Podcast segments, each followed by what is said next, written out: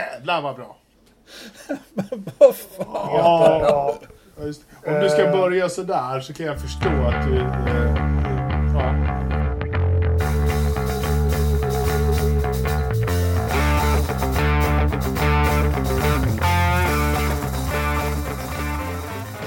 Jakob Engelmark, Ridderstolpe och Lövström hälsar välkommen till Forza-podden avsnitt 94. Som alla Tagning andra poddar, två. Precis som ni, all, varenda podd jag lyssnar på skryter om det här någon gång. Vi har sett och snackat en timme och 20 minuter utan att det kommer med något på band. Så här kommer del två, en forcerad. Vi hade så jäkla bra tugg om 94, men vi sammanfattar det lite kort. ja, alltså om ni undrar någonting så kan ni köpa boken sen. Ja, Men precis. precis. Men The du, Truth ska den heta. The Truth. men du Jakob, så här. Alltså vi ska inte alls sammanfatta 94 snabbt. Nu ska vi ta och grotta igenom det här en gång till och så får vi se om det blir lika bra. Det kan faktiskt vara så att vi kommer på något ytterligare som har hänt och det kanske blir lite bättre och det ska nog ordna sig ska du se. Är Ja. vi börjar helt enkelt bara fint första januari 1994. Ja, men vi börjar väl med anekdoten. Allting handlar om Imola förutom något i, i tagning 1. Du svamlade att du hade sett någon krasch på Indycar. Det, det var jättekul. Men det, det får du redogöra för sen. Men vi, vi hoppar väl in då. De, man har ju förbjudit traction control och, ABS och servo och allt möjligt och nya bilar. Och sen har gått till Williams. Eh, och hej och ska köra en VM. Och Jakob Engelmark är 17 år. Dockers chinos. Oh, En riktigt bra boomerangskjorta. Firar Ja. ett år med flickvännen. vad, het, Scandic- vad, vad, het, vad hette hon? Nej, det, jag, jag, tror- Jenny. hon- Jenny. Nej, jag vill inte säga det. Jag tror inte hon gillar mig så Nej. himla bra. Men Men vi, kan- vi kan Eh. kalla henne Jenny. Välkommen Ja. i klubben! Ja, så. Ja, men farsan hade ju en frinatt vet du, så jag, jag tjatade till mig där. Så Hade han en frinatt med Jenny? Nej, på Scandic. Jaha. Ja, Ja. kanske han hade också. Men han, ja.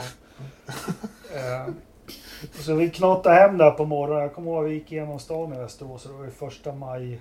Sånt där. Vad ska in? Sol och vind. Vad ska väck? Barsebäck. Mm. Ropen skalla. Daghem åt alla. Eh. 78. Du, det där var, det där var, Det var ju- 78. Ja, det var, det där var inte det var inte 94. 94. Liksom Barsebäck och fan. Jo, det, jag kommer ihåg det så väl. Jag fick en folder där. Jag, jag har ju faktiskt... Nej, det ska vi inte gå in på. Men eh, skit... Ja. Ja. Leder här någon annan nu av er? Gick, Nej, så här, det- du, du gick hem därifrån Scandic och ni tog varandra i hand, gick över bron och, och liksom mös lite där. Pussades och sa hej då. då Nej, nej, hon hängde med hem. Ja, hon, hela vägen. Ja, ja, visst. Ja. Det skäms hon inte. Nej. Och när Nej. ni kom hem så säger du, nu måste jag kolla på, på Formel 1. Ja, Ja. Och vad hände då? eh, krasch. Imola. Så jag slökolla lite. Jag tror jag hade slängt av med min... Jag hade någon mintgrön kavaj också som jag hade då i 17-årsåldern om det var lite festligare tillfälle. Den hade jag väl slängt av mig och satt mig i soffan där. Så var det krasch, Senna. Och man wobblade mellan Eurosport för det var det reklam på och eh, TV4. Jag minns att Eje Elg säger att det här var en rejäl krasch och han här kommer nog hålla Senna borta några lopp. Ja. Eh, och det vi var inne på ett tag i ett också som min, min största så här tidsresa. Det var ju som det var på den tiden. Att kraschen var sen, jag kommer inte ihåg, man såg väl klart loppet. Sen, sen åkte vi hem till den här flickvännen då som, som alla förstår att jag inte har kvar. Eh, och så fick man följa det här på sidan 300 på SVTs text-tv. Och då kommer jag ihåg Senna i krasch. Och sen uppdaterades det Senna i koma. Och så kom den sista uppdateringen på kvällen att Senna är död. Mm. Eh, Och det tog ju trots allt en, en stund innan dödsbeskedet kom. Men eh, i- det, var nog, det var nog inte många som hade hoppet uppe där under den perioden. Känns det som i alla fall. Men eh, man visste ju Jo, men inte. han rörde ju på huvudet och grejer och sådär. Det, Ja, Det visar alltså, sig ju- det, jag, jag, jag kände ju det. Jag själv satt eh, av någon outgrundlig anledning så var jag liksom mellan lägenheter. Jag och dåvarande flickvännen var lite mellan lägenheter. Så vi hade flyttat hem till hennes föräldrar och bodde i källaren där. Så jag såg liksom hela grejen på, på någon liten jävla skit-tv där nere i källaren. Och jag satt de hade ropat sig nu är det mat. Så fick vi säga, ah, men vänta, vänta, vänta, vänta, vänta. Så satt jag där liksom i trappen eh, och tittade på den här 18 tums TV, tjock-TV någonstans långt där borta. Så då hade kraschen precis hänt. Liksom. Men kom nu Ja, vänta. Det, så här, det, det händer lite grejer här.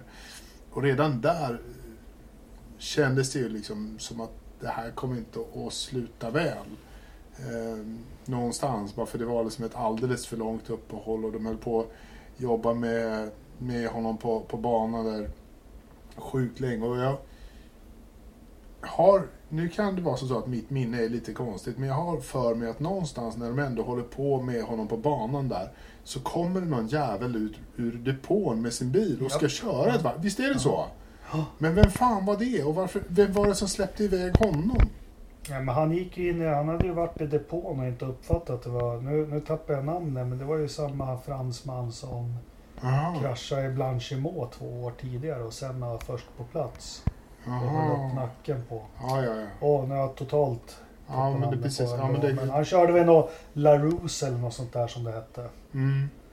Ja, jag blev så här, men, men fan, kan de inte hålla människan därifrån? Liksom? För det, det kom ju också starkt. Alltså- helt plötsligt så hörde man en, en racerbil bara gasa upp och, och köra iväg och så komma dit. Så här, vad fan? Och så kom jag, John Watson sa att det var ridiculous, kommer jag ihåg. Han var jättearg. Jag, Ja, det jag, noterade, jag noterade inte det då som du gjorde, men ja. Jo, det gjorde jag. Verkligen. Otroligt irriterande. Var det Erik Komas? Ja, Komas var det ja. ja. Det Du vet, Komas. Det fanns ju liksom, på 90-talet där så fanns det ju, jag tror att de var, de var nog åtminstone ett tvåsiffrigt antal Erik från Frankrike som körde Formel 1. Ja, jo. Bernard Komas. Och åtta till. Ja, minst. och, så, och så Garchot på det och Belmondo och vad fan de hette för någonting. Ja, Dallamas, nej, men det var ju Philippe en, Alliot. eh, Ja, det var mycket fransoser. Ja, skitsamma. Det var en jäkla helg det där. Det, eh, ja, alla, som, alla som gillar Formel 1, nya som gamla, har hört talas om helgen på Imola. Men eh, det, hade varit lite strul på försäsongen, men just den här helgen började med Rubens ordentliga Mm. krasch i, vad heter chikanen? Eh, Jag kan inte Imola så jag vet inte. variant eh, någonting kanske. Ja, ja du. Jag kommer fan inte heller ihåg vad den heter. Jag kan alla, de andra kurvorna kan jag allihopa. Men, men just den där kommer jag inte ihåg nu. Den där är ju chikanen ut på start och målrakan. Den finns väl inte kvar längre heller? Inte på samma sätt. Mm. Eh, däremot så har man ju lagt till två chikaner, Villeneuve och eh, ja, nästa då. Som jag inte heller kommer ihåg. Du kommer ihåg sen- all, all, sen alla, chikanen, alla, de gjorde utom- Ja, precis. all, alla utom de som du har glömt. Kommer du ihåg? Ja, precis. Ja, det är Just- klock- just mycket så. bra. Nej men Rubens Barrichello provar ju att köra igenom den där chikanen. Jag tror det är 43 km timmen fortare än vad han gjorde varvet innan. Går upp på en curb och liksom som en projektil rakt upp i stängslet. Och redan där, vi tyckte ju Formel 1 var jättesäkert 94. Mm. Vi tyckte ju det vi som gillar Formel 1, ja det är kolfiber, svinbra men den där bilen rakt upp, tänk om den skulle gått ut i publiken. Det är ju Ja, nummer ja, ett. Men sen lägger den sig där på sidan. Bassa. Alta. Bassa, ja. Eh, bilen lägger sig på sidan och räddningsmanskapet är fort på plats och bara bräker över bilen. Det var Mm. liksom ingen koll på nackskador eller fixera eller någonting. Man ser huvudet bara studsa mot cockpit när de... Men han svalde tungan och bröt armen och eh, näsbenet tror jag. Eh, Ja men han, han kom ju hyfsat lindrigt undan. I, I första tagningen så sa att jag, jag att han gjorde illa arm, armbågen. Så det var, det var inte riktigt så men, Men nästan. men det var Ja men det, det var Om man räknar, om man fortsätter sen helgen så var det ju hyfsat lindrigt men det var en riktig krasch alltså. Det, den, Ja, jag har var- den på näthinnan verkligen den här eh, Den var lite blåaktig den här bilen också, Cecil Jordans bil. Ja. Det var fantastiskt vilken krasch alltså. Det var riktigt rugg. Ja, och det har vi ju sett i efterhand här med Senna-filmen och allting. Att Senna han springer ju till Medical Center och kommer ut och säger att Ruben is okay, alright, but he's shocked. Eh, sen går det över till lördagen. Kvalet där en förare som jag tror ingen har lagt notis om på hela säsongen. En gammal sportvagnsförare va. Eh, med hyfsad framgång från Österrike. Roland Rassenberger får väl något problem med framvingen efter Tamborella. Och vad heter den? Heter den Tossa eller heter den något Aqua Minerale? Eller? Nej, alltså om det är hårnålen där så är det Tossa. Ja, han går in i... Det är en höger innan hårnålen. Vad heter den då? Ja, men det är Tamburello hela... Då var det Tamburello hela vägen bort till Tossa. Ja. I, Och, i stort eh, sett. Den här, vi pratade om det, nu blir det lite repetition, men den här kraschen tror jag gick många förbi liksom. Man läste och sa att han dog, men jag har inga direkta minnen av det förrän... Jag tror inte jag såg den Nej, jag var ju på Scandic för fan, det är klart jag inte såg. Eh, man var ju 17 år och viril. Eller hur? Ja, men precis. Nej, men eh, alltså innan eh, Tossa så, så, fin, så är det ju en liten högerkink, men det är ju knappt en höger det heller. Den chikanen heter idag Villeneuve. Den kanske hette Villeneuve den kurvan där, där Ja. han eh, körde av. Då. Han får väl in framvingen under, under och får ingen styrning. Och det man sett är det i ruskiga bilder. Han går in i muren. Sen ser man att bilen hasar ut mot banan och huvudet går och rullar som ett bowlingklot där. Eh, Och de ger hjärt- hjärtmassage där vid banan. Så, så, så börjar ju den helgen och, och legenden säger att Senna inte ville köra och hej och hå, alla var skakade. Men Ja men precis, det pratas väl redan om efter fredagen där att eh, Barrichello, eller att Barrichello, att efter Barrichellos olycka att Senna tyckte att det var för farligt att köra och han Mm. började redan dra åt öronen. Men ah, det är svårt att veta naturligtvis. Frank Williams har i alla fall sagt som hade sista samtalet med honom på kvällen att det var inget snack om att han inte skulle köra. Men sen har jag läst en bok om Senna också att det var jäkligt stökigt runt honom för han, han var ju ihop med den här Adrienne, Adrienne eller vad hon hette. Det var ju en Mm. ung tjej, Playboy-modell. Och till den här helgen så hade klanen Senna skickat ner eh, Sennas brorsa eh, till Italien för att liksom tala vett med honom. Att du kan inte vara ihop med en baddräktsmodell. Så han var väl lite tyngd och bekymrad av det också. Hon var ju inte med på det loppet. Hon, hon syntes ju ganska flitigt i depån i slutet av 93 och så tillsammans med honom. Men inte på det där loppet. Nej. Hon satt Nej. hemma i sommarstugan i Portugal. Mm. Ja, ja. Och då tänker alla en timrad enrummare med... Mm. Ja. Ungefär som i, som i Grövelsjö. Ja. Nej men så, ja då har vi kraschen där. Sen, sen fortsätter ju eländet, eller det börjar redan innan och, och med startkraschen där. Eh, Letto får ingen fart på sin Benetton och ja, det kunde varit en dödsolycka då. Det är Pedro Lames kör rakt in i bak på honom och har klarat huvudet. Men det flyger upp hjul på läktaren, skadar åskådare. Eh, vi har eh, Sennas krasch. Vi har en olycka i depå när Alboreto som körde Minardi då tror jag tappar ett hjul i depåutfarten som skadar några mekaniker svårt. Så det var, det var en mörk helg. Det var det. Ja men, Absolut. ja, men precis. Å andra sidan så är det liksom... Det låter ju för jävligt. Men, men liksom, det är ju sådana här tillfällen som gör att det, saker och ting förändras i grunden. Och, och det här är ju liksom den helgen som vi just nu, som vi idag tillskriver eh, vår väldigt mycket av säkerheten och den nya moderna Formel 1. Precis som Ronnie Petterssons olycka eh, gjorde jättemycket för säkerheten så förändrade ju även Sennas olycka eh, sporten i grunden eh, till, till vad vi har nu, idag. Jo, jo men visst är det så. Ja, men, eh, som vi var inne på tidigare då, så, så eh, kan man väl säga så här att eh, det hade ju inte varit någon olycka eh, på, på banan på ett, ett antal år. Man var, hade liksom blivit lite invagd i säkerheten. Efter Sennas dödsolycka så var det ju egentligen ända fram till Bianchis olycka som, eh, så var det inga dödsolyckor i Formel 1 och man, man införde en massa restriktioner där efter Imola-helgen. Mm.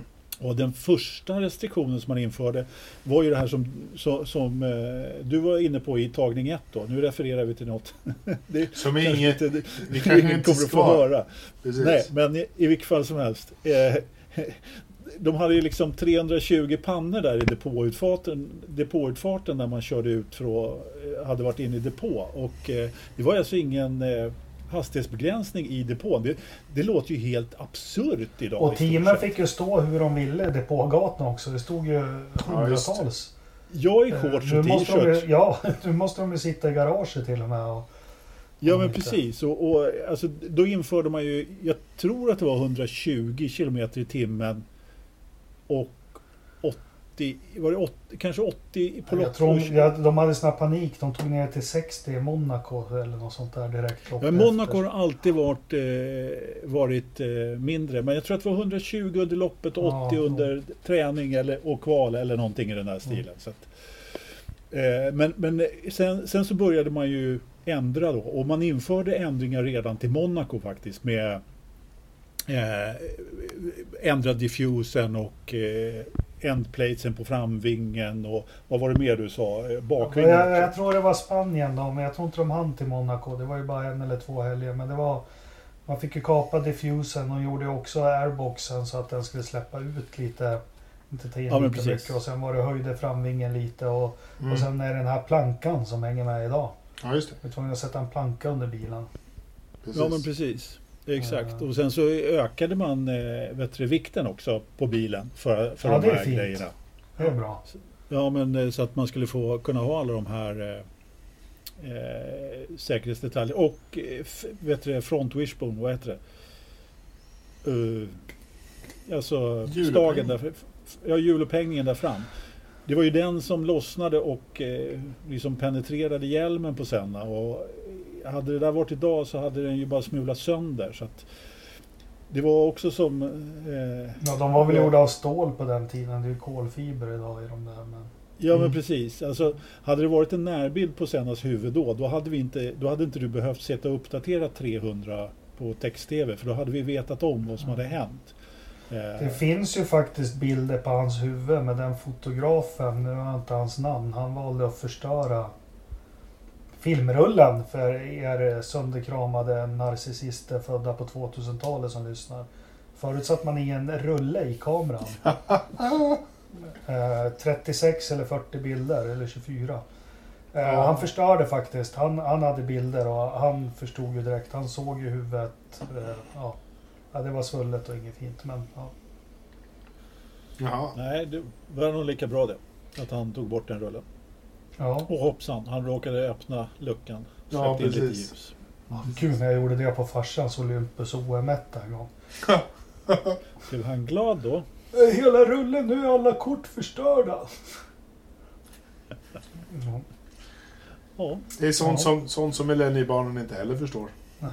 Nej, och vi har väl pratat om det. Anders, du är inte så intresserad. Mig plågar det ju inte veta vad olyckan berodde på. Det finns ju flera olika teorier om det. Jag behöver inte gå in på dem. Men jag skulle väldigt gärna vilja veta. Och jag, mina huvudspår är ju Damon Hill som körde en precis likadan bil och Adrian Newey som, som har varit väldigt plågad av den här olyckan. Alltså, den har ju följt med honom hela tiden och han är väldigt känslosam kan man läsa i hans bok också.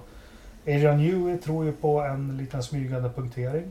Eh, kommer inte ihåg på vilket däck. Det är liksom det han tror utefter. För han har ju verkligen gått igenom all data och precis allting. För det, han känner sig ansvarig för det. Damon Hill tror att han, eh, han styr mot en sladd helt enkelt. ja, men det ena utesluter ju inte det andra där skulle jag säga.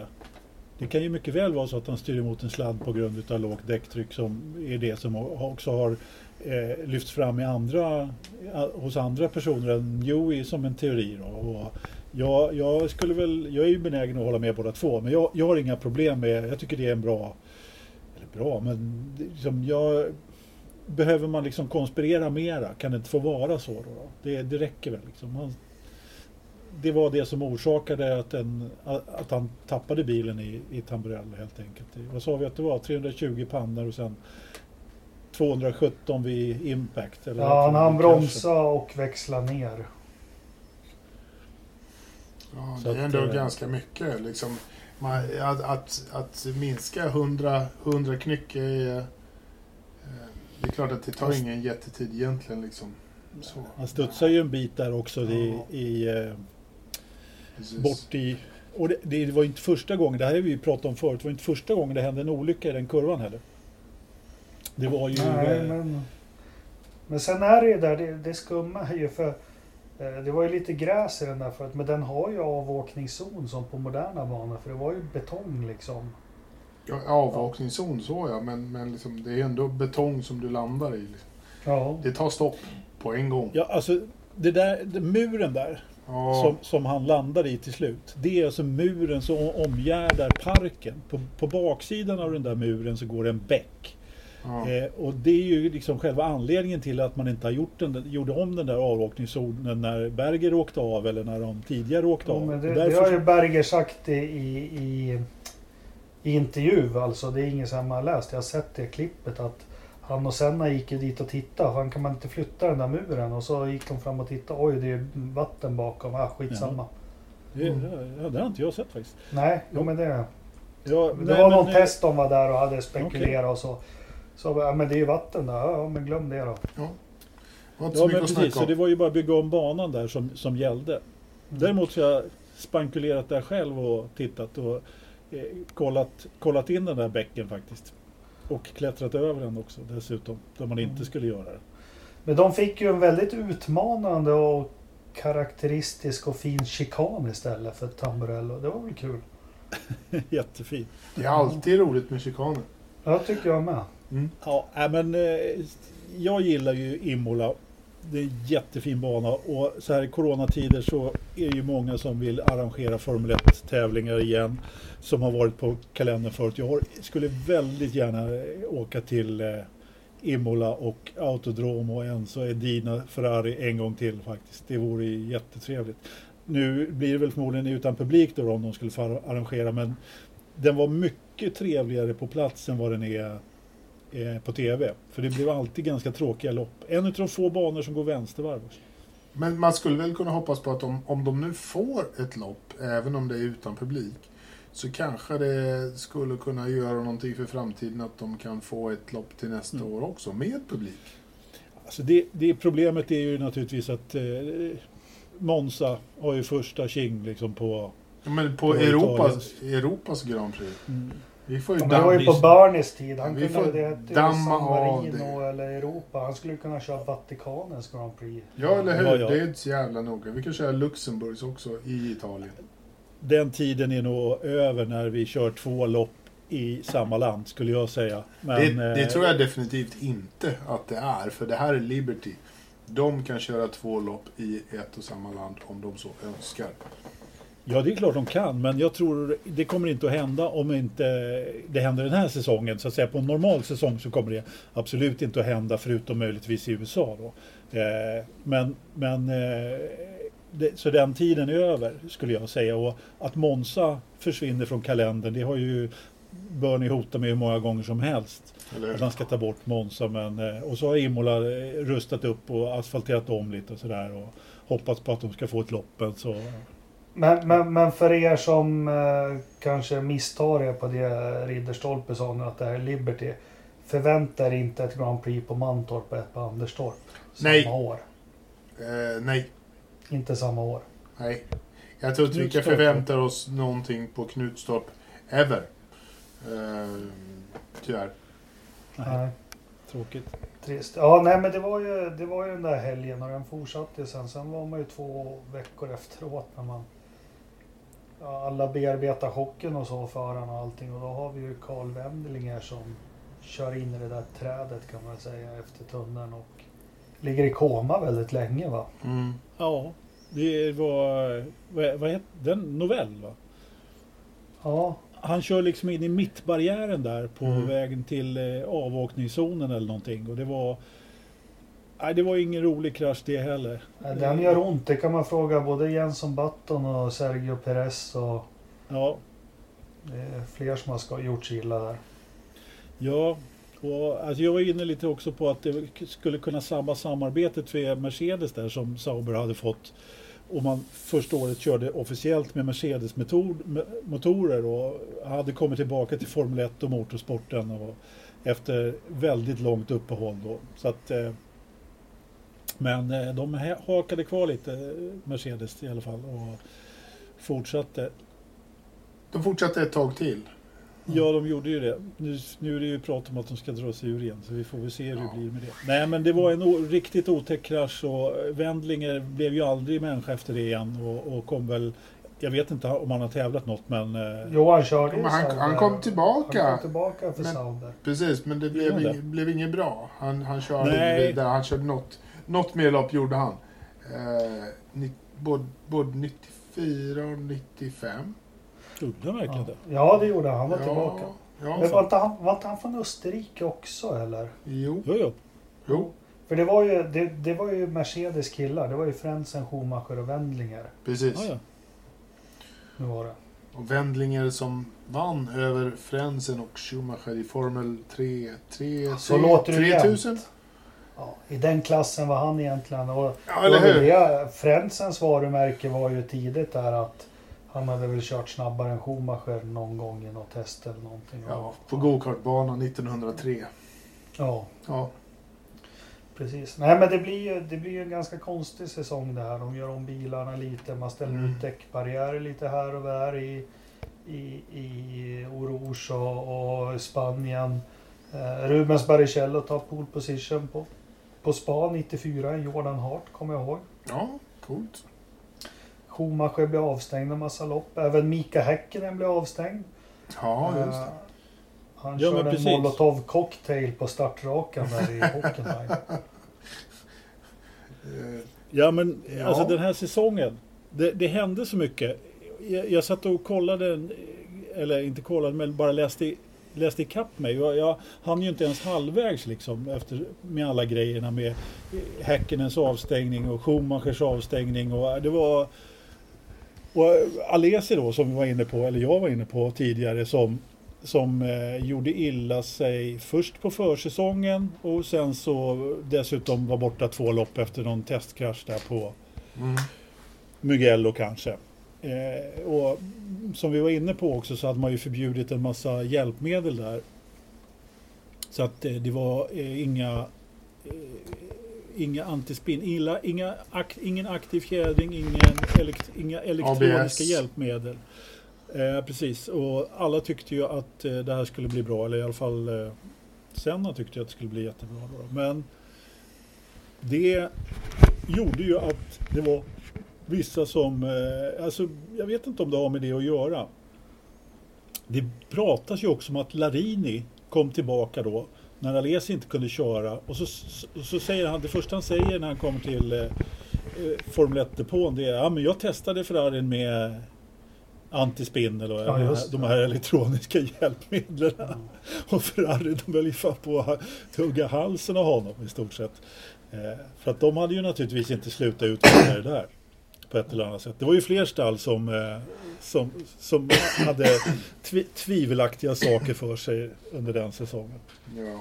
Just det, nu kommer jag på en sak som vi inte pratade om eh, i förra tagningen. Som, som Du menar den här tagningen året, som ingen annan har lyssnat på mer än vi? som ingen annan har hört. Nej, precis, det. exakt. Ja. Vi har ju, vi har ju en, en kompis som inte syns på forumet längre som heter, eh, som vi inte behöver säga namnet på förresten, som säger att det är ju det enda Jos Verstappen har gjort i hela sin Formel 1-karriär. Han är ju brunnit i depå. Ja just Det ja. Hockenheim ju när också. de, ja, det återför, de återinförde ju tankningen 94. va? Mm. Och då skulle ju Flavio... Ja. Men det var liksom Flavios sätt att coacha förare som körde dåligt. Ja, ja. Men det var väl det Piqué fick välja. Antingen kör du in i muren eh, varv 9 eller så gör vi en förstappen på det. Exakt. Ja.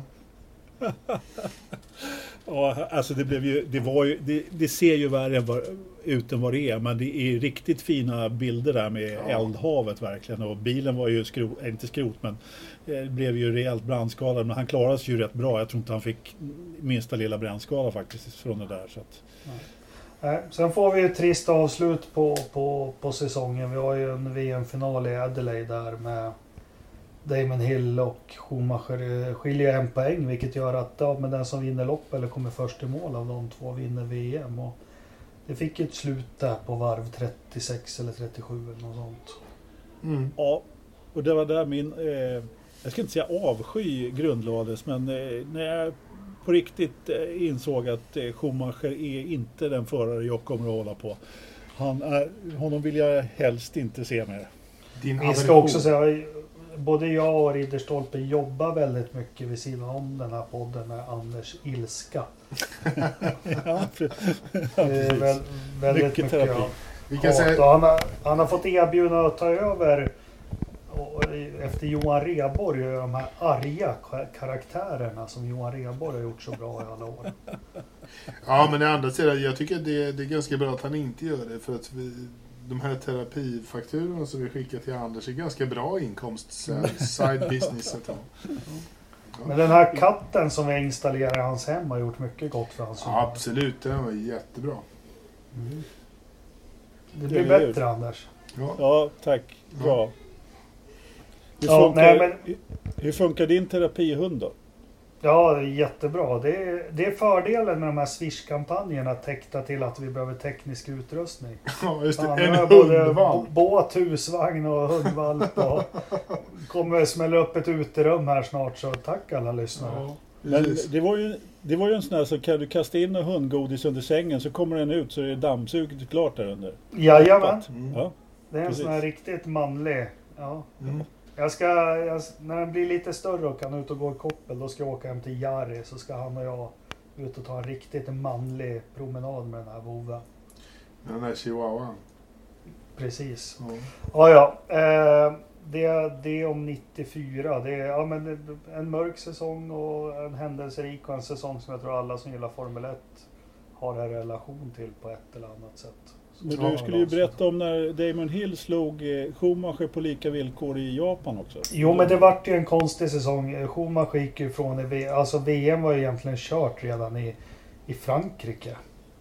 Eh, Men sen så börjar de Jag är ju det största Damon Hill-fanet som finns. Jag kan ibland vara väldigt ironisk för jag tycker om hans kunskaper och så. Säga att han är bäst i världen i regn och kval och omkörningsmästare. Men han fick ju mycket segrar till skänks 94 för dels i Spanien när Schumacher kör på femmans växel genom halva loppet. Eh, sen håller de ju på att börja stänga av Schumacher. Och han vinner ju i Belgien men de tar bort segern i den till Hill och han får stängas av i två lopp. Så helt plötsligt så eh, är de ganska lika i tabellen. Sen har vi det här regnloppet 94 i Japan där faktiskt Damon Hill slår Mikael Schumacher fair and square.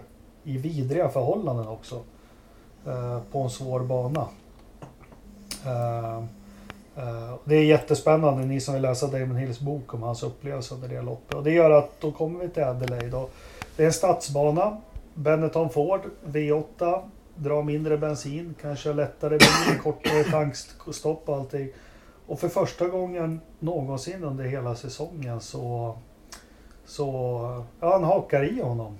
Han, han håller sig en, en och en halv sekund bakom hela tiden. Och till slut så far Schumacher av banan och skadar bilen och sen, ja, så var det slut med det VMet. Ja, precis. Ja, det var ju slut på det VMet och eh, ja, det är nog fler än jag som tycker att Hill skulle ha haft det där VMet faktiskt. Eller egentligen skulle väl Schumacher kanske haft det.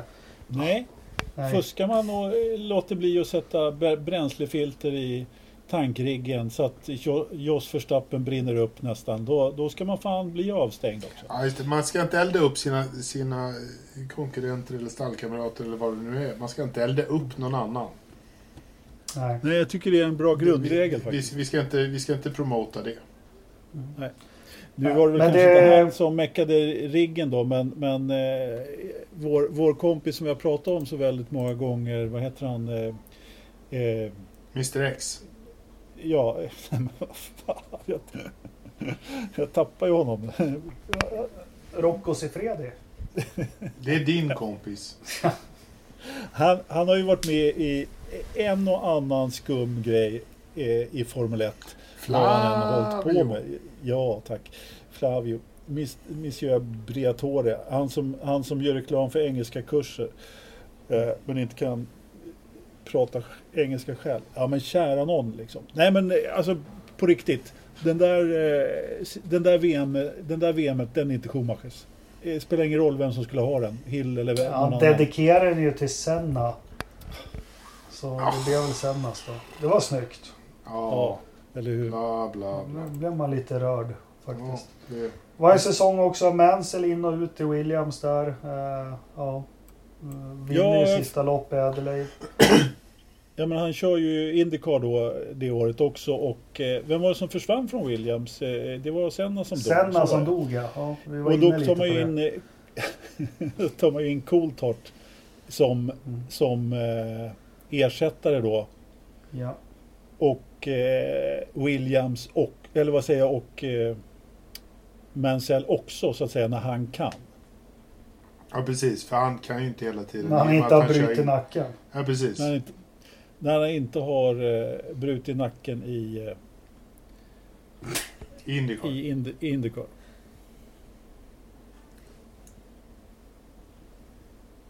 Ja, Ja, så, så var det.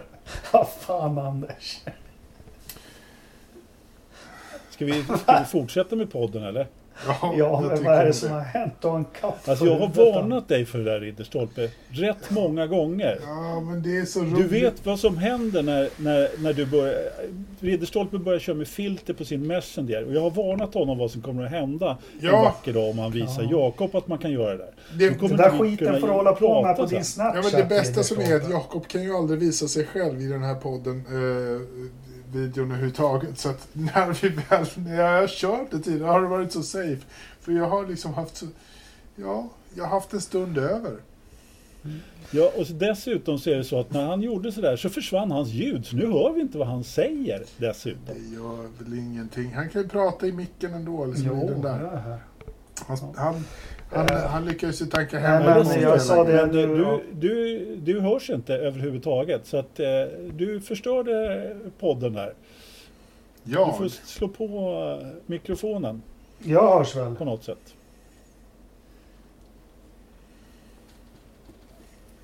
Hörs jag? nu, Nu hörs hörs du. Grattis! Ja, God bra. morgon! Vi Vi tar en- lite om... Eh, Vi tar en fem Ja, jag har Vi kan ta en fem sekunders break så kan du klippa bort lite skit här. Jag hör Nej. det jättebra. ja, vi förstår att du hörde oss, men vi hörde inte dig förstår du. Skulle vi ta ett fem sekunders break? Nej, Mm. Jag måste lägga ur snuset. Det är dagens... Det, det, det är, jag höll på att säga höstens bästa podd, men det är fan inte höst, det är maj. det känns som bäst. Jag håller med dig. Ja, det går bra det här. Ja. Ja, hej Alice. Det är dags att sova. Alltså eh, Jakob, du vet, jag kommer inte klippa bort det här. Så du får faktiskt sätta dig ner och börja prata nu istället. Han, Stoppa en krona i mig då för fan. Så. ja, Ja. Nej men det, det man inte får glömma heller. Vi pratar ju väldigt mycket om bilar och, och eror och eh, Det här var ju faktiskt sista säsongen med de bilarna jag tyckte var maffiga. Det var till året efter direkt i den här panikåtgärderna med att göra Formel 1 säkrare så gick man ju ner på 3 liters motorer. Eh, fram tills dess hade man ju kört med 3,5 liter så fanns mycket V10 och- och V12 och bilarna var breda, eh, maffiga. Eh, ja, tuffa Nej, bilar. men jag kan faktiskt hålla med dig där. För att eh, även om det var, bilarna blev betydligt säkrare efter då, vilket vi har varit inne på, så äh, men de blev, de, jag tyckte att de var så snyggaste i början på 90-talet där innan, eh, in, innan man började lappa på alla grejerna. Det så, Ja. Jag håller med dig där. Jag har en bild på Mansell från 92 när han går igenom Orouge. Den ska jag lägga ut på forumet. Den är, ja, men den är på något vis brutal i all sin enkelhet. mm. Mm. det är häftigt. 94 är kartsäsongen har vi pratat om. Men så kör Michael Andretti tillbaka i kart och börjar den säsongen odla det legendariska kartskägget. Ja, Ja. Ja, eller hur? När han var ur Ron Dennis klor då lät han det växa bara. Han gjorde det va? Ja. Ja, det, Men du, eftersom vi, vi tjatar om det. Vi har haft en tagning innan och klockan går och allting. Eh, 94, en mörk säsong som förändrade sporten på många positiva sätt. Eh, jag tycker personligen att mycket av de åtgärder man gjorde, man famlade men man försökte. Vi hade ju en lång epok med räfflade däck som beror på de här olika eh, olyckorna 94. Men vi har fått ett bättre säkerhetsarbete. Eh, vilket framförallt Schul Bianchi tacka för. Nej, den var ingen snygg men eh, man lärde sig verkligen något Formel 1 av den här helgen. Det var inte bara att när akrobaten faller så, så ska cirkusen gå vidare utan man, man lyckas hålla två tankar i huvudet. Eh, Ja, jo, men så är det ju definitivt. Man startade ju ett långsiktigt arbete där och alltså, efter Bianchis olycka så fick vi också någon ny. Tänkt, blev ju Ja. Holm är ju som ett direkt eh, som en direkt följd utav det och, och ja, virtual safety car. Exakt. Ja, precis, precis. Och ma- massa regler med människor på banan och sånt där. Så att det, det, det är det. Det var det jag sa. Alltså det, det finns ju de här olyckorna. Liksom så här, Ronnie Pettersson, Senna och Bianchi liksom har, har tagit sina steg eh, mot, mot en säkrare sport. Eh, Ja. Så är det. Precis. Ja men det om avsnitt 94. Men vi, vi, fick ju vi fick ju lite trevliga nyheter här och själv vart jag så till mig att det blir Indycar på nationaldagen. Så jag satt med bilen och brände ner till Värnamo och hoppades att jag skulle få träffa Ja. Felix och bara gratulera. Men Ja. nej, han var inte där. Men jag fick syn på en snygg skylt i alla fall. ja. Värnamo. Vad, vad, vad är det för lopp och när går det och hur går det och vad ska de göra? Och är det verkligen bekräftat? Det är väl helt klart att det blir Texas Motor Speedway eh, den 6 juni. Pre, träning, kval och race, all the same. Heldag kan man lugnt säga att vi får. Ja, eller helnatt kanske. Kanske mera det. Jag har faktiskt ingen som helst koll på tiderna. Det har inte jag heller, men det, det skulle med tidszoner och eh, hela videvitten om de ska kvala och träna och hela alltihopa så, så skulle jag misstänka att det blir eh, eh, loppet startar lite senare. Men det får vi kanske återkomma till, eller det kan ni kolla upp Men- själva. men det är börjar- lördag, det är lördag i alla fall. Lördag! Ja, Men då så, då kan man vara uppe. ja, men, ja, men precis. Det är det jag menar. Så det, det, det, det ordnar sig. Nej, men det ska Men bli hur, kul. hur puttar de upp det här då? Liksom, kommer du dit sju och kör träning till åtta och så kollar du 10 till 11 och... Ja, men ungefär. Ja. Typ ungefär, precis. Ja, Ja. men eh, vi, både Felix och Marcus har varit ute i svensk eh, SVT här som tydligen har blivit motorsportfrälsta. Eh, för de kör ju inte nog med att de har en nyhet i veckan om Svenska Bilsportförbundet och deras eh, härjningar fram och tillbaka. Så jag vet, jag har aldrig sett så, så mycket intervjuer med Marcus och Felix. Eh, nu har båda två uttalat sig här eh, när de ska dra igång säs- säsongen. De har anställt folk från Aftonbladet ska jag säga. Anna Andersson. Nej. Nej men eh, vi var inne på det också. Kul att, eh, kul att det blir lopp äntligen. Eh, Nascar drar igång på söndag. Mm. Eh, och eh, Indycar vill ju naturligtvis inte vara sä- sämre så att eh, drar man ju igång också och kör. Och Felix var ju inne på att det kunde vara en, helt klart en fördel för honom att eh, det är ett så komprimerat schema. Han är ju en eh, jäkel på att lära sig komma, liksom, komma upp i fart snabbt. Medan vår andra svensk kanske inte riktigt har de talangerna utan gärna skulle se en, eh, en dag till på schemat. Då. Men eh, han är ju å andra sidan har ju varit, visat sig vara ganska vass på ovaler då. Så att, eh, det kan ju bli rätt skoj tycker jag. Ja, men jag såg ju någonting här. Marcus postade någonting att han har faktiskt vunnit en oval eh, i simracing häromdagen. Och eh, Mm. nu eh, senaste racet som han påstod om kom han två efter Tony Kanan.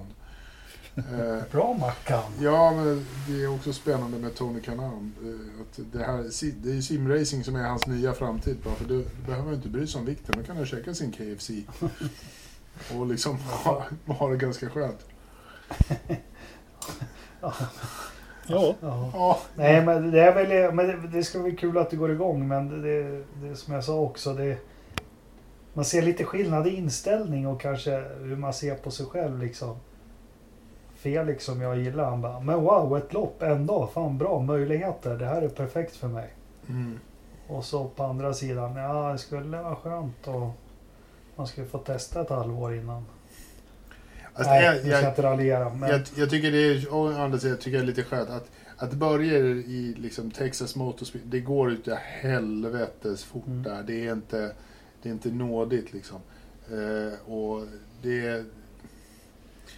Jag hade, jag hade inte haft några som helst problem med att, att ge dem lite mera träning. Eftersom de har inte kört på skitlänge nu. nu alltså, Mm. De har verkligen inte kört på jättelänge nu. Eh, och den, den här eh, testningen som de hade i februari, det var ju inte så mycket att hurra över. Det var rätt kackigt väder och skit sådär.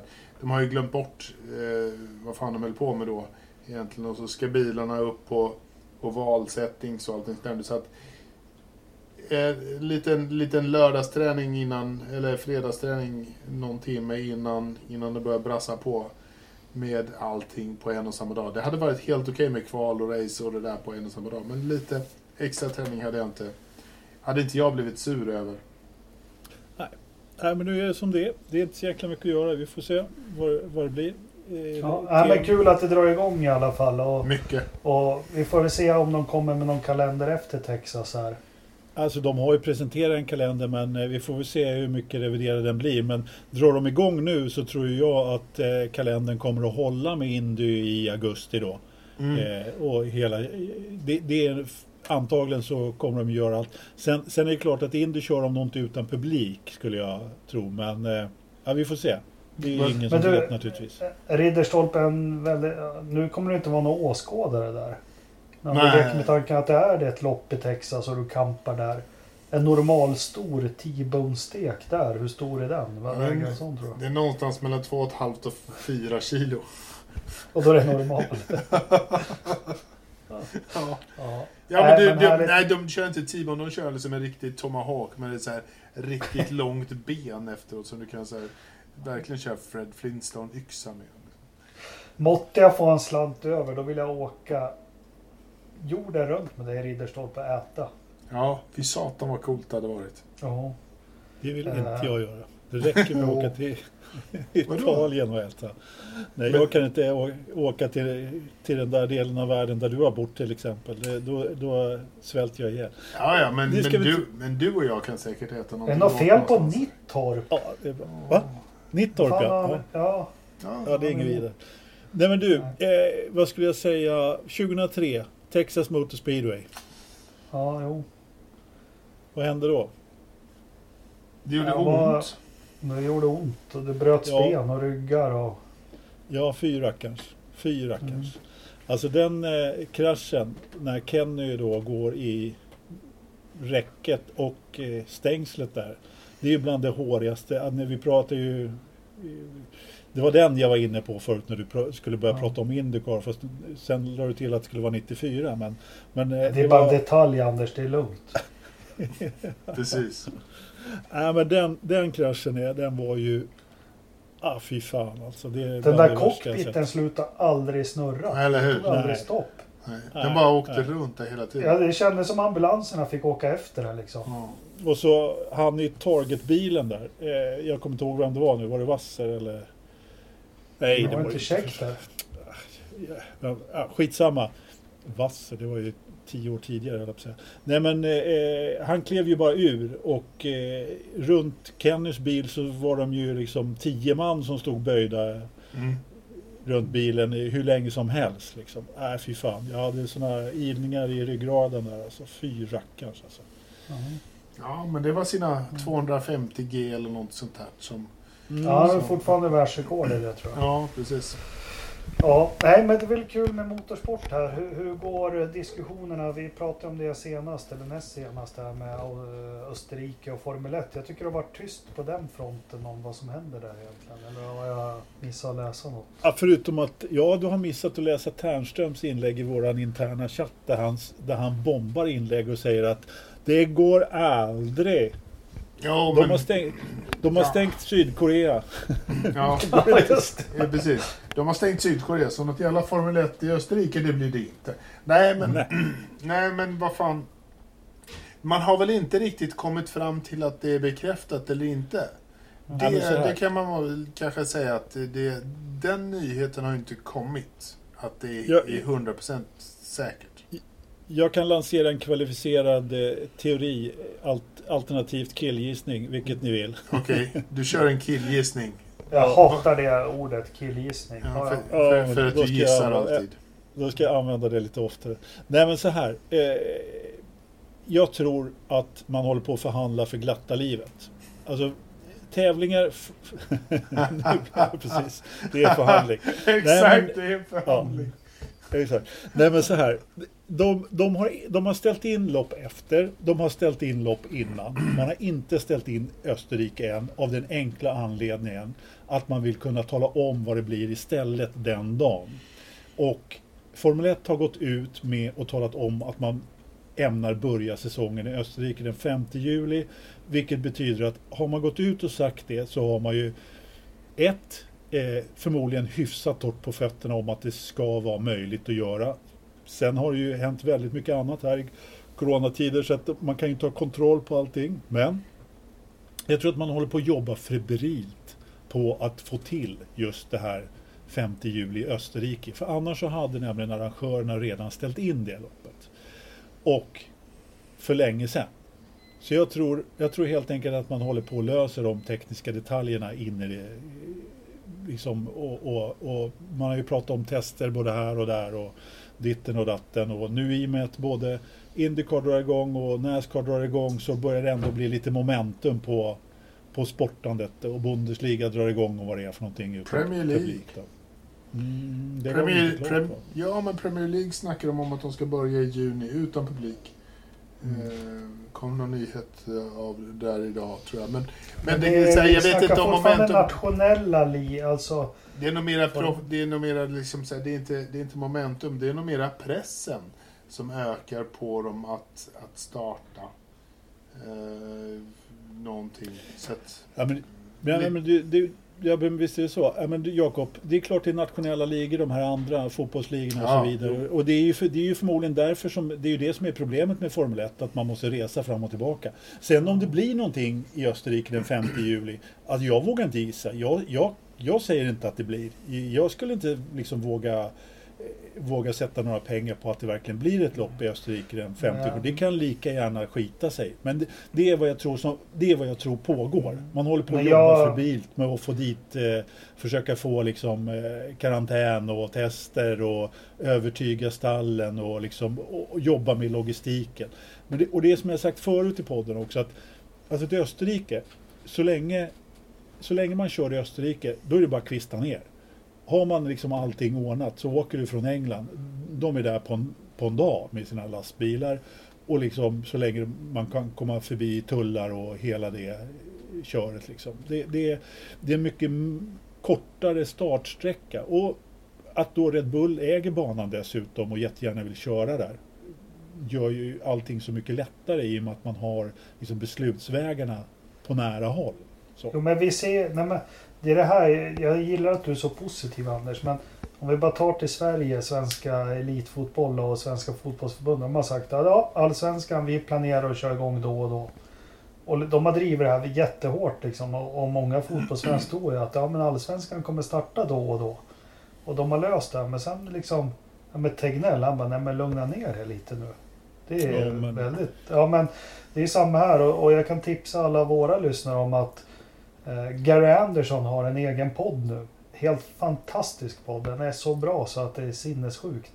Eh, han tar upp, han har ju insyn i, i Formel 1 mer än vad vi tre har. Han, han liksom, men det är för mycket folk som ska flytta sig och, och, och tider och sånt. Det går inte.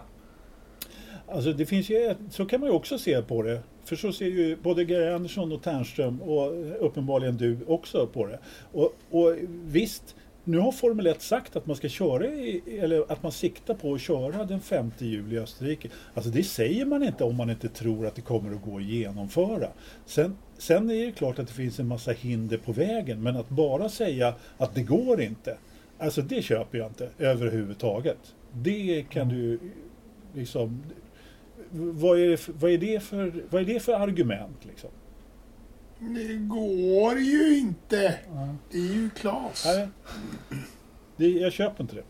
det är bara, för att det liksom, bara för att det kommer en andra våg av corona. Det man håller på att göra Nej, nu... inte en det- andra våg. Det är det här att Nej, förflytta förlåt. folk genom Europa. Nej, men Alltså, det var och det, Terns, och det- det är inte så här- sa. Nej, ja.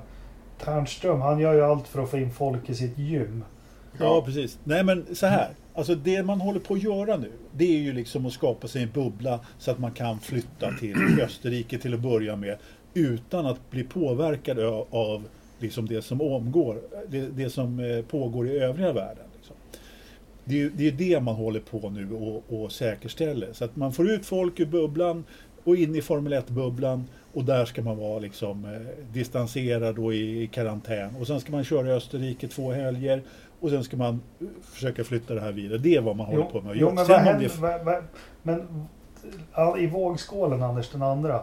Ja, man gör karantän, man säkerställer att all personal de sitter hemma i England i fem dagar innan. Kapslar in dem i en Scania, kör ner dem och så får de sitta i något värdshus där. Vad händer om det blir som i Australien? Att de upptäcker ett fall i depån. Ja, då går det åt helvete. Ja, det har de, de har inte råd med det. Det går inte. Nej, det har de definitivt inte råd med. Och därför ska de ju då te- testa personalen, eller de ska ju testa alla då. De ska ju ha med sig ett eget testcenter om jag har hajat det rätt. Så att, eh, nu var det väl i och för sig var tredje dag då, men Tre, de, kanske- Man ska testa personerna tre gånger under fem dagar. För att du, Okej. kan, du kan vara smittad eh, dag ett och dag två. Men dag tre så visas det eh, resultat på den här. Så du sitter i karantän i fem dagar. Du testas åtminstone tre av de här fem dagarna. Alltså dag ett, Men det- tre och fem antar jag. Eh, då. Eh, är du okej dag 1, 3 och 5 då får du följa med ner till eh, Österrike i din Scania. Och så får du väl testas där dagligen. Inte fan vet jag. Om det nu är så Jo. att du har ett eh, fall hos McLaren i Österrike så kommer det att påverka McLaren i Österrike. Eh, inte Red Bull för att du kommer inte umgås med Red Bull-människor om du är McLaren. ja, precis. Det är så Nej. de tänker och det, that's the plan. Skulle jag säga. Så att Ja, ja. det, och då betyder det väl att eh, McLaren kanske inte kan ställa upp i det här loppet. Shit happens. ja men då är det ju... Alltså, det, Då vet jag inte vad, ett vet ett inte vad som händer. Liksom. Nej, det är nog ingen som vet heller. Men det, det är ju det här man försöker att, lösa naturligtvis. Nej, nej, man, Eh. ja, man vill ju, man vill, vill, vill verkligen inte ha ett nytt Australien med ett nytt Nej, fall. Liksom. Det, det är därför man gör precis allt man kan för att det Men jag kan ju säga så här. Att liksom min, liksom den här barometern som i stort sett var nere på noll, att det kommer inte att bli något Formel 1 2020. Jag är ganska övertygad om att det kommer att bli någon form av Formel 1-körning i år. Nu är jag liksom, Sådär, jag tror du in, kommit Ja, över till ja. min mörka sida? nej, men jag har ju hela tiden trott att någonting ska vi köra. Men det var, såg väldigt mörkt ut där ett tag, ska jag säga. Det var nära på Tärnström-läge faktiskt. Eh, Men nej, Jag tror fortfarande inte det blir någon Formel 1 före september. Du har, du har ju för fan mjuknat ganska ordentligt. Då har du ju Ja, ändrat det. Ja, nu har du Jag är mjuknat. livrädd för Anders, de här påhoppen. Ja, men vi, får, vi får se. Jag tycker inte det ändå så Jag måste ni hålla med om att det har inte kommunicerats Nej. lika friskt eh, sen vi spelade in senast. Nej, det har det inte. Det har inte Nej, det, ingenting. Vad, vad som händer vet vi ju inte. Eh, vi har ingen aning. Eh, nå- antagligen så händer någonting, men det är ingenting som de känner att det är någonting som de vill prata om.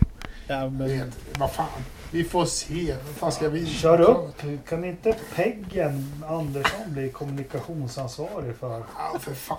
Han borde, han borde vara Ja, jävligt bra. Han borde, han är ju klockren liksom för hela det. The truth. Ja, ja. den kommer. Det, och sen, eh, ja, alltså, så- och Williams, de börjar hyra in nytt folk här nu så att... eh, Ja, vad anställer ja, han det- dig? ja, är Claire gravid igen eller? Eh, det, det kanske hon är, det vet vi inte. Men eh, Det- grattis i så fall. Men, men eh, vem, vem var det de anställde? Till vilken roll? ja, Teknisk skulle bli, någonting. jag, jag, nej, han skulle vara chef över rubbet i stort sett. Eh, Och som jag förstod det skulle han ersätta Paddy Lowe i stort sett. Ja, det, är ju inga, ju- det var inga stora skor. Nej, de ersatte ju faktiskt inte Paddy Lowe utan de gav ju mer, eh, mer eh, utrymme, vad heter det, mer befogenheter till de som jobbade under honom, de här tre gubbarna. Men den här snubben, han ska ju vara, jag har till och med glömt namnet på, det, på honom, men han fick ju kicken från McLaren förra året så det är väl bra. Mm. Ja. Hitta något ställe och Ja, eh, börja jobba på. Det är som Robert. mina brudar, de får bottenskrapet liksom. Ja, precis. ja. Japp. Ja, ja. Eh, så kunde gå när inte haspen är på. Nu är vi uppe en timme igen. Vet du vad? Jag är lite fräck här. Det, vi får ursäkta. Som vi sa, vi hade spelat in ett bra avsnitt och nu blir det till. Har två avsnitt, två bra avsnitt varje kväll. Det är ju skitbra jobbat. ja, och så har vi ju ett avsnitt ligger någonstans som vi aldrig sände ut också. Ja, Ja, Men det kommer vi alltid ha. Ja, eh, Precis. har vi fått några frågor Anders? Ja, vi har fått några frågor. Jag har två saker som jag skulle vilja säga först innan vi tar frågorna om det är okej med dig. Det kör. brukar inte vara det, men jag kör Nej. ändå. Men idag är det okej. Nej, men vi hade ju eh, eh, ett virtuellt GP igår som inte jag såg, men som Ridderstolpe såg. Ja, för satan, visst gjorde jag det? Var det bra? Nej. Ja, jag vet inte. Det var väl eh, såhär, Landon Norris kom väl några varv och sen försvann hans internetuppkoppling helt förvånansvärt snabbt som alltid med Codemasters.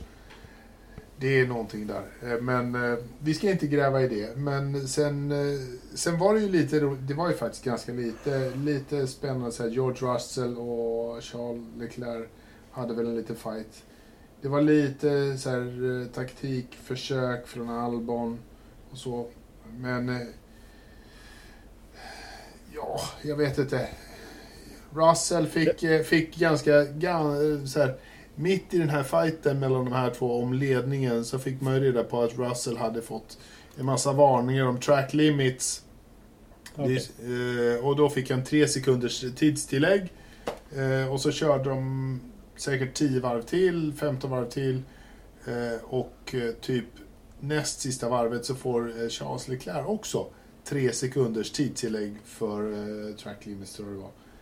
Vilket gör att de är helt, bägge två har, har samma utgångsläge. De ligger fortfarande så långt fram så de vinner och blir tvåa. Men då har ju George Russell faktiskt passat på att köra om och köra, köra ifrån Leclerc med en sekund. Så så att han, eh, han tog faktiskt eh, segern. Lite roligt. Jaha, ja. Jaha, nej, men jag menar, det, det enda som jag hade, jag, är ju liksom hur, hur långt är det där från verkligheten egentligen? Vi har sett och tittat på Indycar eh, iRacing som ändå har varit hyfsat bra och bra racing. Men jag menar, om en Williams vinner liksom, hur långt från Ja. verkligheten är man inte då? Men alla bilar är lika. Alla bilar är lika och sen har de dessutom tagit bort damage. No damage. Och det är så här, försökte vara- ja, Ja, men precis. Jaha, Varför kör inte? Grosjean då? Ja, det kan man ju fan, Han och Pastor Maldonado kan de bjuda in istället för jävla cricketspel, någon fotbollsspel. De, det var ju... Det var Ja, jag är så trött på det här med att kändisar ska vara med och köra. Det, ja, nej. Ja, men jag är också så trött på det. Ja, just det här. jag vill Ja. inte. Nej. Och du hade en till Vi grej glömmer Anders, det. du ville ta upp. En till Ja. grej som Anders vill ta upp. Ja. Ja. Nej men i förra, i förra inspelningen så frågade du mig vad som hände i, ka, i kart, eller Indycar 94. Hände Ja. det något då? Ja, det Vadå? var faktiskt se, senast i Indycar som vi hade två svenskar som körde. Fredrik Ekblom va? Ja. Bra! Ja. Och Ha, Kenny. Lill-Lövis. Lill-Lövis körde fortfarande. Herregud. Ridderstolpe. Fan gammal är. Ja, nej men eh, alltså jag tror att Ekblom körde ett lopp kanske. Den säsongen. Jag tror han körde ett lopp varje år där och det var inte Indy 500. Nej. Han körde Detroit kanske eller någonting sånt. Men eh, eh, han lyckades inte riktigt etablera sig där borta. Men han körde några lopp i alla fall. Vad var, det för ny, vad var det för nyhet? Apropå Karlsson, vad var det för nyhet jag såg? Eh, är det inte så att Jenson Button är lite sugen på att köra Indy 500? Jo, det är han säkert. Eh, Ja, jag men- läste en... Men jag tror att McLaren är lite sugna på att, eh, på att få in eh, Jenson. Kanske något, något eh, någon road course och eh, lite Indy 500 till den här säsongen. Eh, och Jenson Button i Indycar, det hade väl varit lite spännande. Det ska vara fränt. Absolut. Det skulle vara skitroligt. Ja, men det skulle vara skitkul. Eh, eh, som jag skrev på forumet, han kan få ta Ferruccis eller Paginos plats helt utan... Utan, Utan problem. problem. Fast de Ja. kör ju inte McLaren S, Arrows SP. Nej, men ändå. Mörteburt. De gör ju inte det. Men, Men de kan sno hans, ta de deras kan, de kan ta deras sponsorer och sätta det i en McLaren-bil. Och Mm. köra den gul. Fan. Vi, Ja, vi, vi jag, jag var tvungen att, att googla upp den här jävla resultatlistan eh, med, med Ekblom. Eller resultatlistan. Det var en finländare som körde, försökte kvala in till eh, Indy 500 här, eh, 94 som heter Tero Palmroth. Har fan aldrig hört talas om. Har du det Jakob? Har Nej, du hört hans namn? Nej, nej. aldrig. Ja, spännande. Helt underbart. Ja, Ja, har vi några frågor Anders? Nu får vi ta frågestund. ja visst fan. Eh, ja, vi har några frågor. Den första frågan. Vilken var den tredje bästa biltillverkaren i Formel 1 1994? Undrar vem? Eh, Thomas Kolberg. Och det var Ferrari. Ja, det kan jag nog hålla med om faktiskt. Helt klart. McLaren Mm. hade en bra bil men de hade ju en Peugeot-motor som sprängde sig själv. Hela Ja. tiden. Ja. Oskar Lind Johan, Jonsson, han frågar när nästa kvarting kommer. Eh, Den finns väl någonstans? Jag har flera på lager. Vill ni ha dem så kan jag ju köra på. Ja. Kör på du. Ja, bra. Så Ja. Vi, har haft en, vi har, vi har haft en ganska lång säsong utan kvarting här som vi har fått Ja. väldigt mycket kvartingtid på. Ja, Ja. Nej, men jag ska spela in några nya. Ja. Gör det. Eh, så tar vi dem. Eh, Skalberg här igen. Varför upplevs det som att det finns extra mycket mytomaner inom Formel 1? Både på förarsidan men även på journalistsidan. Håll Ja, inte det inne jag- med jag- det ni jag- vet nu för att inte trampa Mansell på tårna. Nej, men jag instämmer. Alltså det är ju... Och, och jag märker när man följer debatten om svensk och, och förbund det här. Alltså racing. Alla förbund har sina problem och, och ryggdunkeri och sånt. Det känner jag mycket väl till. Men just när det... Det vet jag ju Ola och, och Ternström har ju berättat. När vi har sett och pratat. De har ju verkligen varit inne i svensk racing. Alltså det känns snårigt och mycket dolda agendor och jäkligt svårnavigerat.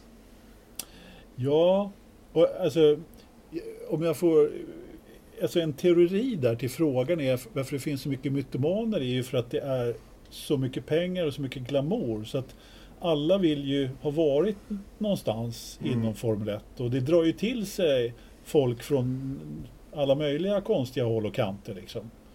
Ja. Eh, Men eh, jag vet inte, jag kan inte påstå att jag har några bra exempel direkt och, och eh, anekdoter. Jag vet inte om du har det? Ja, men det är, nej, men jag som läser mycket sport och så. Jag tyckte mycket om Peter Winstor som journalist.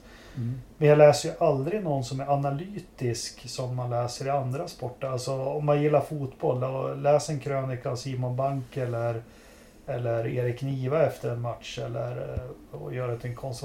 Och det är lika de här gamla respekterade Nigel, Nigel Roebuck heter han va? Och, och Ja, vilka är det med? Alan Henry. Men ju mer man sitter och lyssnar och läser, de, de kör samma anekdoter hela tiden. Men det är aldrig liksom Det gör ju vi Ronnie med. was really fast, he was driving flat out in woodcoat. Men det är liksom aldrig några djupare analyser eller någonting utan det är att man vill bara vara med i klubben på något vis. Ja, det är möjligt. Ja, Ja, ja, ja. Det kan ligga något Ja. i det. Ja, men har ni läst Anna Andersson i Aftonbladet och djuplodande analys om varför loppet blev som det blev och vad som stod på spel eller nej? Nej, inte någon svensk journalist som kör något djuplodande i, i skrift eh, om Formel 1. Det har vi nog inte sett sedan eh, AFPDCns var i sin glansdagar. Nej men han kör ju också samma anekdoter hela... Ja, Jag har varit nu, runt och ja. rest men han kan ju bara berätta ja. om ett lopp. Ja, men nu ja. Ja, men nu, Nu gör gör han han ju det. Men det är ju för, det är för att han är pensionär. Han är lite Eh, gammal och men, trött. men, det men, återigen, det, det jag rekommenderar. Jag tycker de på Sky är rätt bra ibland. Men eh, återigen, Gary Andersons podd. Liksom, han agerar ju journalist. Men han, han analyserar ju saker, förklarar och, och berättar. Alltså jag lyssnade på ett avsnitt. Han kunde som handlar om fjädring och ge, hjulgeometri. Fy fan vad tråkigt. Men han berättade det på ett så intressant och enkelt sätt. mm. eh, för mig. Så att, Ja, men, Det, men det är väl det, så här, eftersom jag är ju en sån som tittar på Sky eh, och, och tittar på deras Formel 1-sändningar. Och eh, jag tycker ju då att så här, populärvetenskap med Ted Kravitz i, eh, är ju faktiskt rätt underhållande. Han, han, Hans notebook som han hade. Ja, Teds Notebook. Ja. Den, Ja. Han kör ju den fortfarande liksom, när det väl är racing och sånt där. Så, att, Mm. så har han den. Sen har de ju byggt ut den med ytterligare ett program på onsdagar på, där de har ännu mer, liksom, lite mer eh, James Allison och, och company har varit där under förra säsongen och, och besökt och, och verkligen gått in på vissa specifika områden. Om den här, liksom, den här lilla wingleten på framvingen som gör det här och sen får det här efter. Alltså det är ju det är ju en analys och det är så spännande. Men de är ju jävligt mycket polare de med paddocken ändå sådär. Ja, det det är klart de är, men, men när de går igenom, när de, när de tar in en, en, eh, en strateg från Mercedes som säger att vi var tvungna att ta in Lewis Hamilton på Mm. varv 40 58 för att han var tvungen att safea för Max Verstappen som kom vidare. Hade vi varit ett eller två varv tidigare eller senare så hade det här hänt. Och då har de sina kurvor som de ritar ut och visar. Det är sjukt spännande. Det är otroligt intressant och verkligen analys. Så det är... Ja, men jag, hå- jag håller med. Jag, alltså Mercedes la ju ut tidigare också efter varje lopp. Mm. Mm. Deras Ja, strategigubbe där. Eh, De var ju också riktigt, riktigt bra när han svarade på frågor från eh, sociala Ja. medier. Alltså då fick man reda på, väl, det var mycket aha-grejer där som egentligen Ja, inte att är- de bara drar en lapp ur ur urnan och... Nej, men precis. Nej. Nej, precis. Så, ja, men det var också så här att det var, inga, det var inga hemligheter överhuvudtaget. Utan det var bara han förklarade på ett väldigt bra sätt varför de gjorde och hur de tänkte när de tog Men- de här besluten. Och när han förklarade det, ja men då är det ju självklart. Liksom. Men alltså, det jag saknar jättemycket det är... Eh, men det är kanske bara jag. Men om vi tar så här, Dieter Enken har vi. Han, är ju, han analyserar och gräver. Men han gör ju det i strukturer och ekonomin och, och Mm. allting runt. Och det är jättebra. Men jag vill veta. Som, jag kommer ihåg när jag läste F1 Racing på 90-talet. Ja med Peter Winstore. Han är ju så otroligt intresserad av det körtekniska. Varför är Hamilton snabbare i kurva 9 än Bottas? Mm. Vad gör han? Eh, och det är sånt där också. Ja, men, jag tror inte journalisterna klarar av det. Men det. Då kan man lyssna på Gary Anderson. Han säger ofta han vill ju gå ut och titta och han kan säga hur de kör. Så- Sånt är jag intresserad av. Men det, frågan var ju, ja, jag upplever att det är jävligt mycket mytomaner inom motorsport. Har du någon mer än Mansell som är mytoman på förarsidan? Mm. Mikael Schumacher. Ja, när Sergio Perez sa att han hade den tuffaste stallkamraten någonsin förra året. Då, då, Det, det, har ju, det har ju Fernando Alonso sagt. Eh, eller så här. ja. Ja. Det tuffaste, Ja, det, kan- det kan man inte säga. Det, är så här, det säger Nej. de ju alla. Liksom. Men, eh, men, men eh, i annat är det väl Flavio som är väldigt bra på att berätta sin del av sanningen.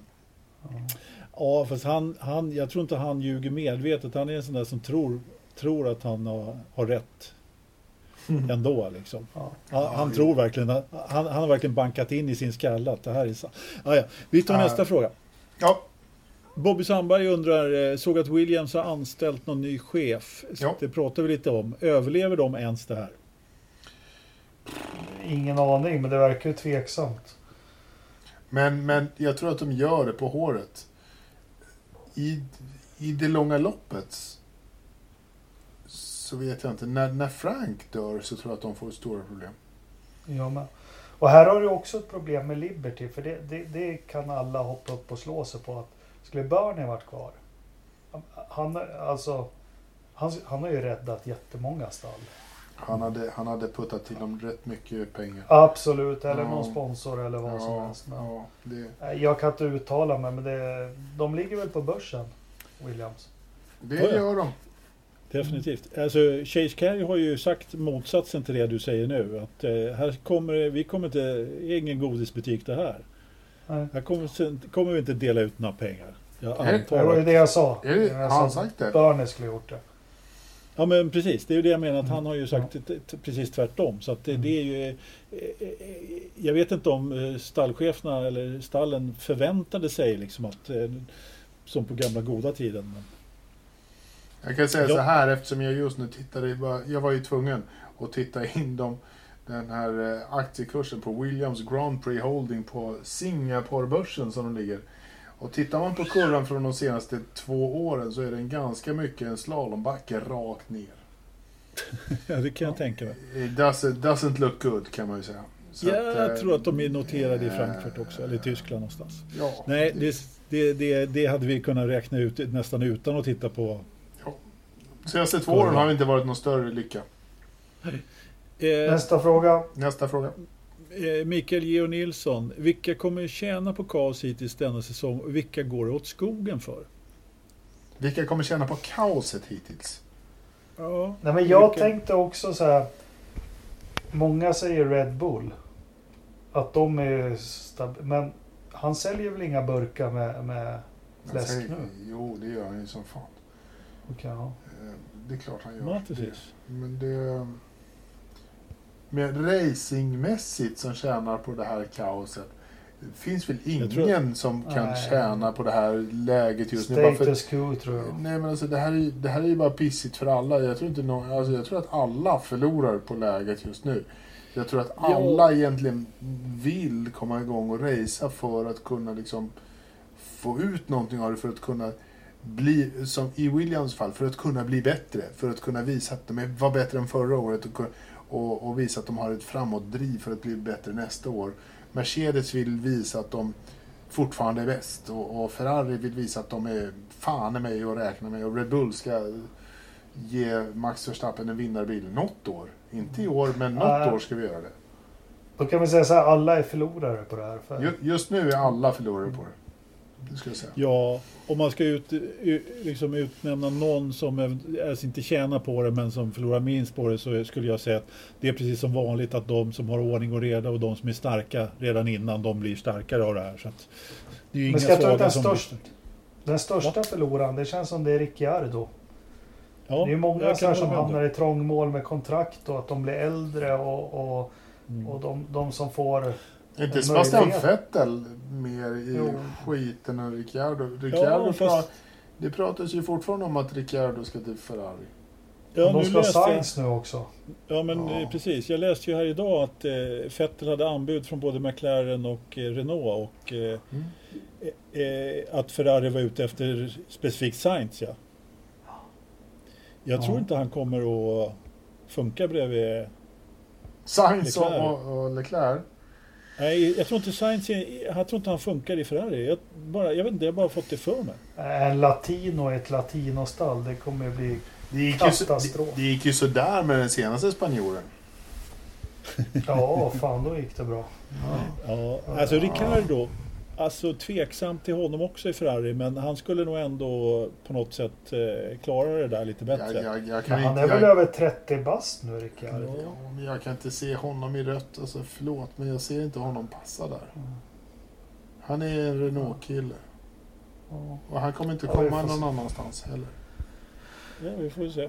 Ja. Nästa fråga. Inte, vi får se. Ja, det är inte så många kvar. Eh, det, den, nästa fråga var, tangerar lite grann det vi var inne på. Vilken F1-förare kommer att vara mest ringrostig efter detta avbräck?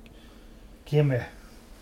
Det är Tommy Törnqvist som Jag tror att det är frågar. Bottas eftersom han inte gör någonting.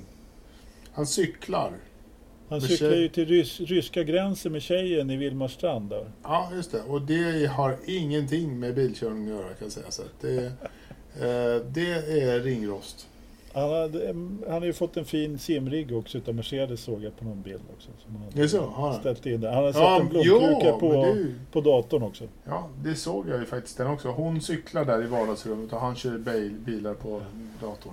Ja, Alltså, man sätter inte blommor på datorn för att om man vattnar blomman lite för mycket så rinner det vatten ner i datorn.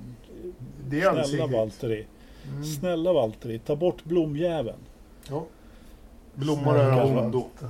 Det kanske var en plastblomma i och för sig. Ja, sen Det är, det den, det är den stora vinnaren. Det är alla vi, liksom slippa Valtteri. Jag Du vet, var vi, lite elak faktiskt. ni, har ju, ni, ni har ju Twitter. Ja. Så att ni följer ju Walter ändå. Ja, abrupt nu hörni. Det är blåsigt väder. Ah, Solen gick ner 21.46 igår. Hästarna är... De springer. 21.46. Nu är klockan 21.45. Solen Det går ner nu. Ja, det är minus Ja, två grader Celsius. Du vet, det, det blir ljusare nu med typ 10 minuter varje dag. Liksom. Så Det är fortfarande inte minus det. två där uppe så det är kallt som Ja. helvete. Vi tar det viktiga. Ja. 71% luftfuktighet ute, 33 inne Anders. Ja, fortfarande problem. Ja, Stora problem. Men Eh, alltså, blå- blåser det? Nej, det är fuktigt inne. Ja. Jag tror han har ställt in testcykeln och, och, och kör. Ja, jag vet inte. Vad har vi för temp i datorförråd då? De senaste tre gångerna har jag sagt 22,4 så det kommer jag inte göra idag för jag har ju inte vunnit hittills. Nu är det minus två ute, det är 18,4 Alltså, det var kallt som fan i, i, i datorförrådet. Jag säger, jag säger eh, 7,3. 8,3 är det. Hur mycket? 8,3. Men alltså den där datorn är inte igång. Nej. Han tittar ju på väderstationen nu. Nej men det, det, finns, det är ju en annan dator. Han har ju flyttat upp det där i molnet. Den där datorstationen som han håller på och mäter och sånt. Den har ingenting, det är ingen dator där. Nej, jag, Nej, Tror att han har, tror att han har köpt en eh, vet du, sån här eh, väderstation på Kjell Company. Ja. ja. Du, ja. du Jakob, ja. du, du har glömt något. Nej. Jo, veckans Verstappen. Ja. Ja, ja det, är, det är jag. Det kan inte bli något annat. Nej, det borde nog faktiskt Nej. vara du. För att du kan inte ens köra liksom så här... Eh, Kan inte hantera en mik- mikrofon. du kan inte hantera en videochatt eh, Nej. tillsammans med oss för, utan att det går åt skogen. Har du någon precis. Anders?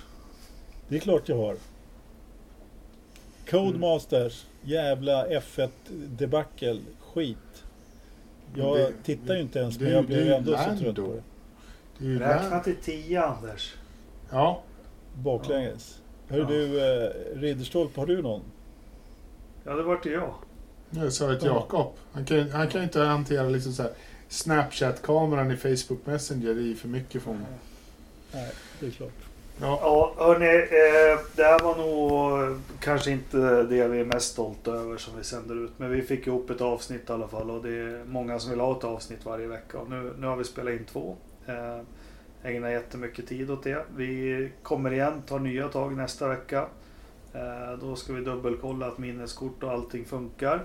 Eh, jag får passa på att tillgäng, eh, tillägna det här snurriga avsnittet till Ridderstolpe och, och mitt ex från 94 då. Eh, vad har vad har jag med ditt ex från 94 att göra? Nej, med ditt ex från Ja, 94 mitt ex. med 18 tummarna. Ja. Ja, vi kan väl så här med 26 års... Är det 26 år? Eh, säga ja. till dem om de mot förmodan lyssnar eller någon av deras vänner att ni gjorde rätt. Ja. Linda, du gjorde alldeles rätt. Ja. ja. Ja. Eh, tack ska ni ha. Ja. Tack för att ni lyssnar. För övrigt anser jag att Ferrucci är en idiot. Hej då! Bra. Hej då.